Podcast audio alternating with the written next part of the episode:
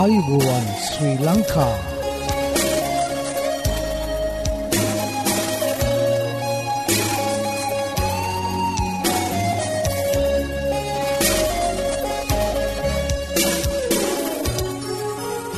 ඔබට සුපදවස මේ Adventist world Radio බලාපොරොත්වය හඬ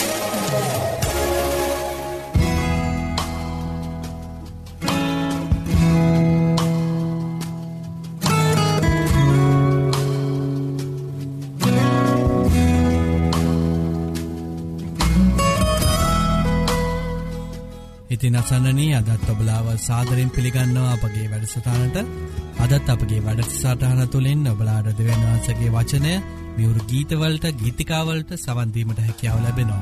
ඉතිං මතක් කරන්න කැවති මෙම වැඩසටානගෙනෙන්නේ ශ්‍රී ලංකා 7ඩ කිතුුණු සභාව විසින් බව ඔබලාට මතක් කරන්න කැමති. ඉතින් ප්‍රැදිී සිටින්න අප සමඟ මේ බලාපොරොත්තුවය හඬයි. අතදිනේ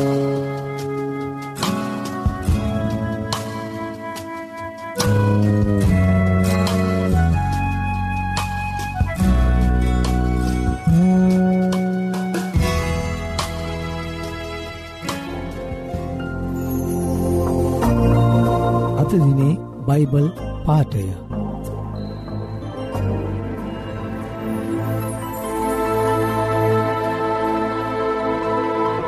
හිතෝපදේශය හත්වන පරිච්ඡේදය.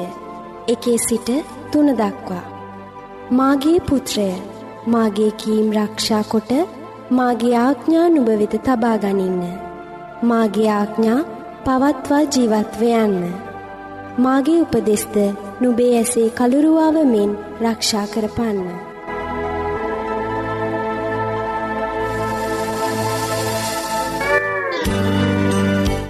ආයුබෝවන් මේ ඇඩවෙන්ටිස් වර්ල් රේඩියෝ බලාපොරොත්වය හඬ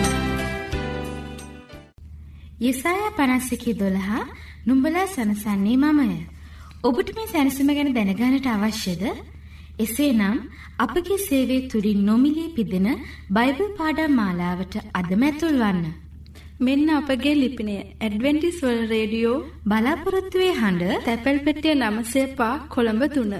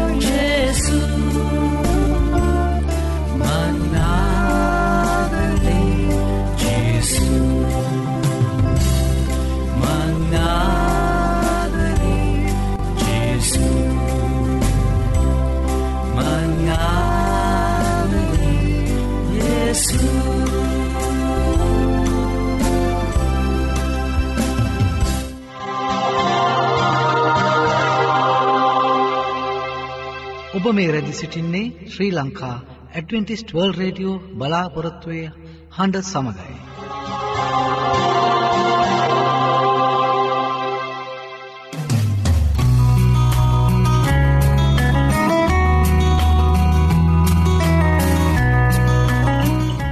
ඉතින් අසන්නනී ඔබලාට ස්තුතිවන්ත වෙනවා අපගේ මෙම වැඩසටාන් සමඟ එක්වී සිටීම ගැන ඇතින් අපි අදත් යොමුුවමු අපගේ ධර්මදේශනාව සඳහා අද ධර්මදේශනාව ඔබහටගෙනෙන්නේ විලීරීත් දේවගෙදතුමා විසින් ඉතින් ඔහුගෙනන ඒ දේවවාක්‍යයට අපි දැන් යොමු රැඳී සිටින්න මේ බලාපොරොත්තුවය හඬ.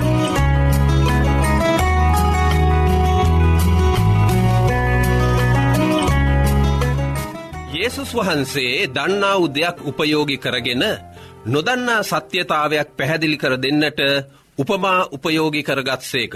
මෙවැනි උපමා කතාවක් ලූක්තුමාගේ සුභාරංචි අටවෙනි පරිච්චේදෙත් මතයුතුමාගේ සුභාරංචේ දහතුන්වනි පරිච්චේදෙත් මාක්තුමාගේ සුභාරංචේ හතරවනි පරිච්චේදේත් සඳහන් වී තිබෙනවා.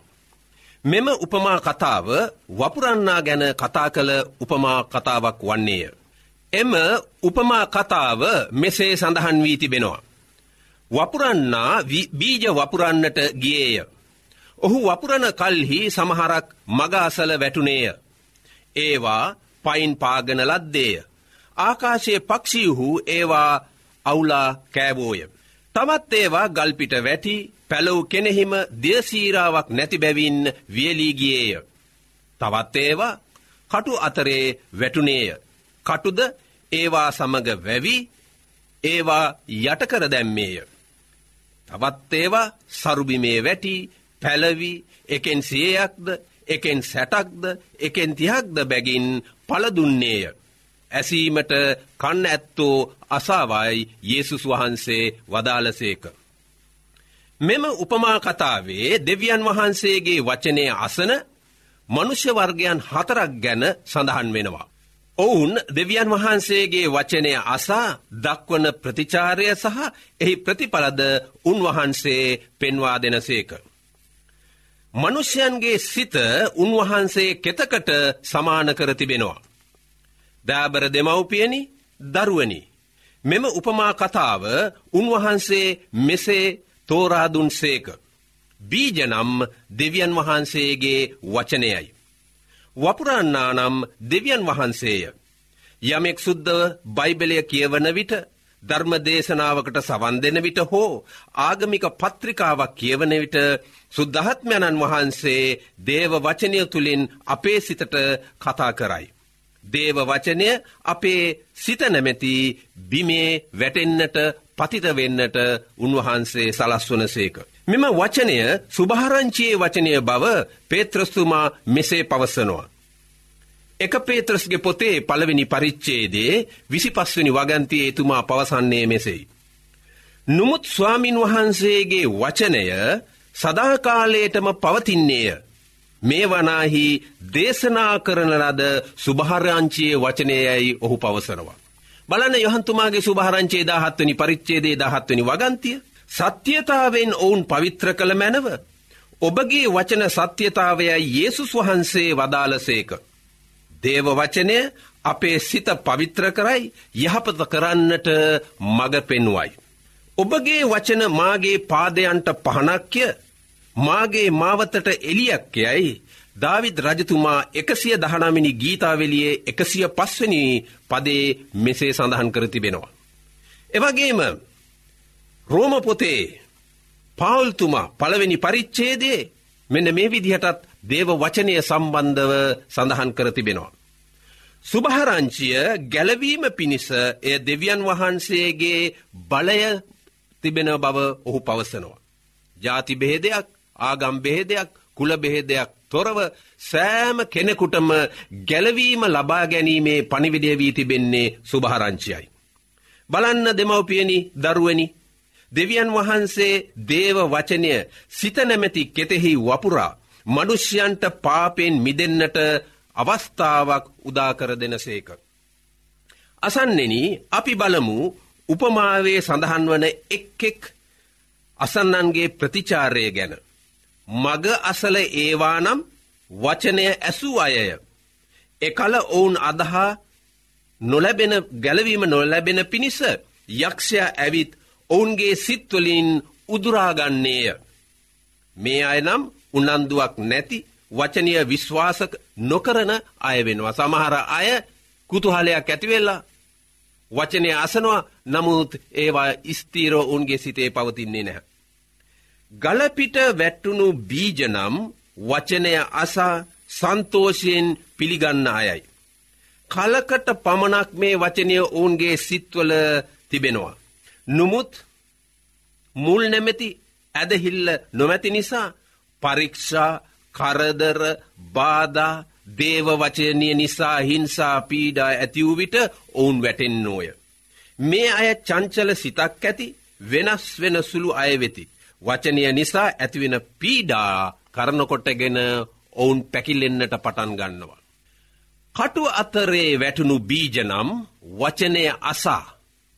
තමුන්ගේ ජීවිත ගමනේදී එහි වෙහෙසවීම්වලින්ද වස්තුවෙන්ද සැප ජීවිකාවෙන්ද වචනය යටව සම්පූර්ණ පල නොදරන්නේය. මේ අය දේව වචනය දේව භක්තියේ වේසය දරණනුමුත් එහි බලය එපා කළ අයව සිටින් නෝය. ලෞකක තෘෂ්ණාවන්ට ගොදුරුවී සිටින අයවන්නෝය. මේ අය මුදලට ප්‍රේම කරන්නෝය. තෘෂ්ණාව මැඩ පවත්වා නොගන්නෝය. දෙවියන් වහන්සේට වඩා සැපසෙල්ලමට ප්‍රේම කරන්නෝ වෙති. මේ තමයි මේ කටු අතරේ වැටනු බීජ වලට සමාන වෙනවා මෙවැනි අසන්නන්. දෑබර දෙමවපියනි දෑබර දරුවනි අපි දැන් අපේ සිත යොමු කරමු සරුබිමේ වැටුණු බීජ දෙසට. සරුබිම කියලා කියන්නේ වචනය පිළිගන්න ලොකු ආසාාවක් ඇති අයටයි. වචනය අනුව ජීවිත ගමන පිළියල කරගන්න ආශාවක් ඇති අය වෙනවා මේ අය. ලෞකික දේවලට වඩා දෙවියන් වහන්සේට ප්‍රේම කරන අය වෙනවා මේ අය.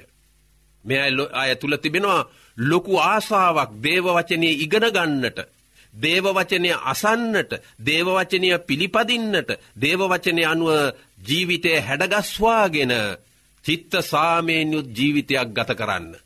මෙන්න මේ අය සරුබිමකට සමාන කර තිබෙනවා සුද්ද වූ බයිබලේ.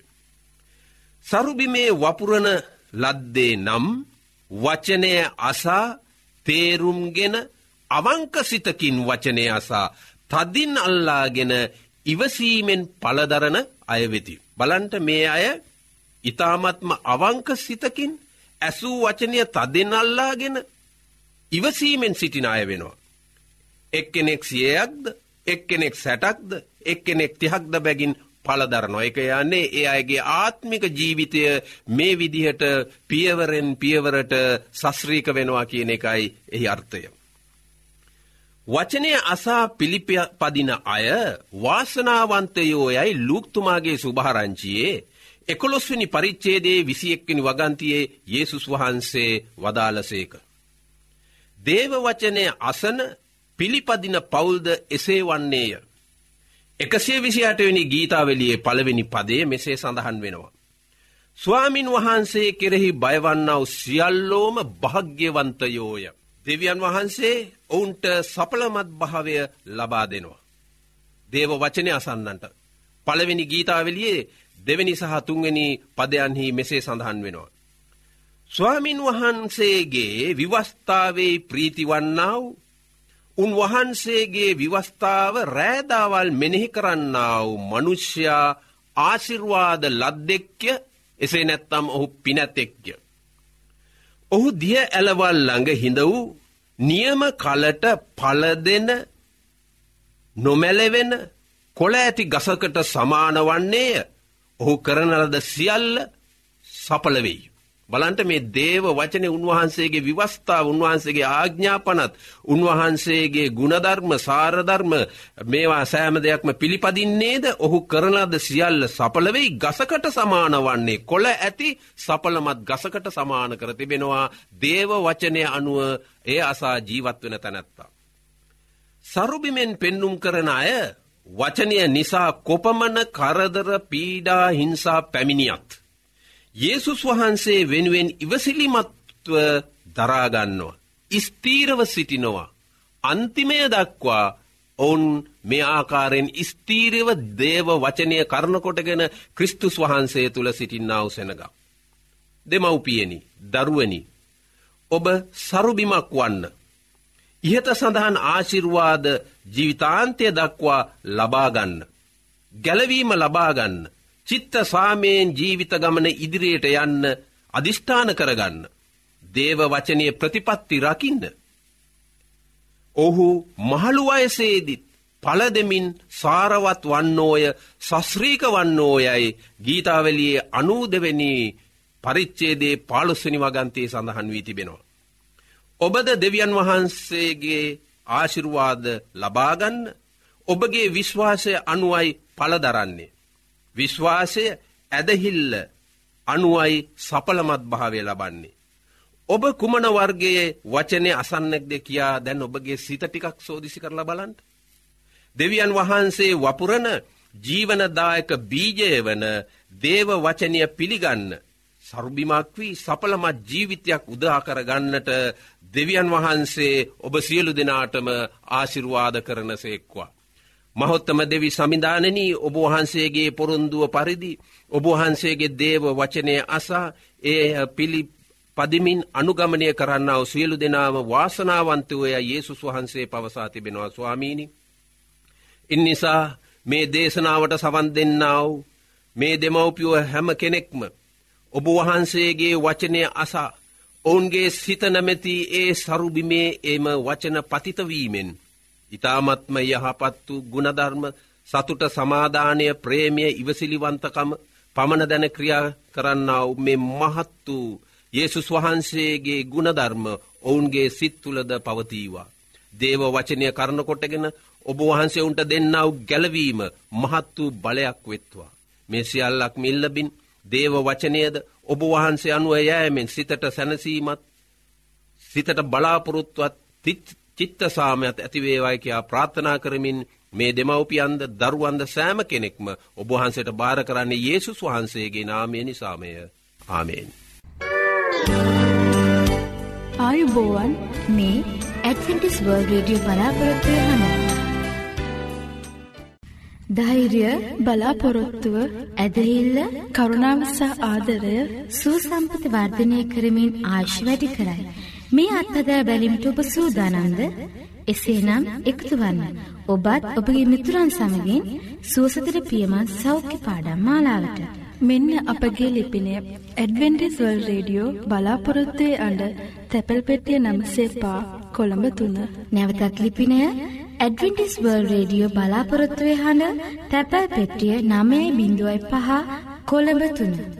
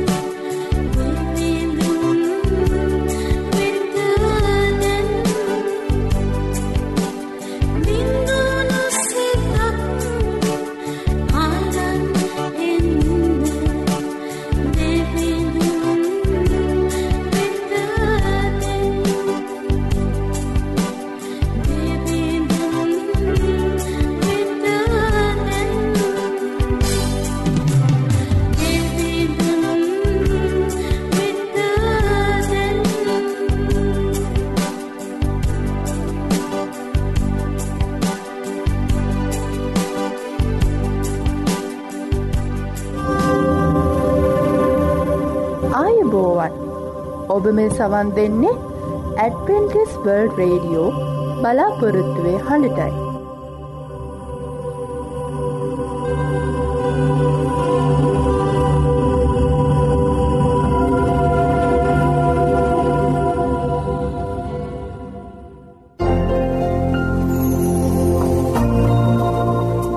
අපේ මෙ වැඩසටාන තුළින් ඔබලාට නොමිලේ ලබාගත හැකි බයිබල් පාඩං හා සෞඛ්‍ය පාඩම් තිබෙනවා. ඉතිං ඔබලා කැමතිනං ඒවට සමඟ එක්වෙන්න අපට ලියන්න. අපගේ ලිපින ඇඩවෙන්ටිස් වර්ල් රඩියෝ බලාපොරත්තුවය හඬ තැපැල් පෙට්ටිය නමසේ පහ කොළඹ තුන්න මම නැවතත් ලිපිනීමතක් කරන්න. ඇඩවෙන්ටිස් වර්ල් රේඩියෝ බලාපොරත්තුවය හඬ තැපැල් පෙට්ටිය නමසේ පහ කොළඹ තුන්න ඒ වගේ මබලාට ඉතාමත් ස්තුතිවන්ත වෙනවා අපගේ මෙම වැඩසටාන දක්කන්නව ප්‍රතිචාර ගැන. අපට ලියන්න අපගේ මේ වැඩසටාන් සාර්ථය කර ගැනීමට ඔබලාගේ අදහස් හා යෝජනා අපට අවශ්‍ය. අදත් අපගේ වැඩසටාන නිමාව කරාළඟාවී තිබෙනවා. ඉතිං පුරා අඩහෝරාව කාලයක් අප සමඟ රැඳී සිටිය ඔබට සූතිවන්ත වෙන අතර හෙටදිනියත් සුපුරෝධ පරිති සුපුරෘධ වෙලාවට හමුවීමට බලාපොරොත්තුවයෙන් සමුගන්නාමා ක්‍රස්ටිය එකනායක ඔබට දෙවියන් වහන්සේකි ආශිරවාදය කරුණාව හිමියේවා.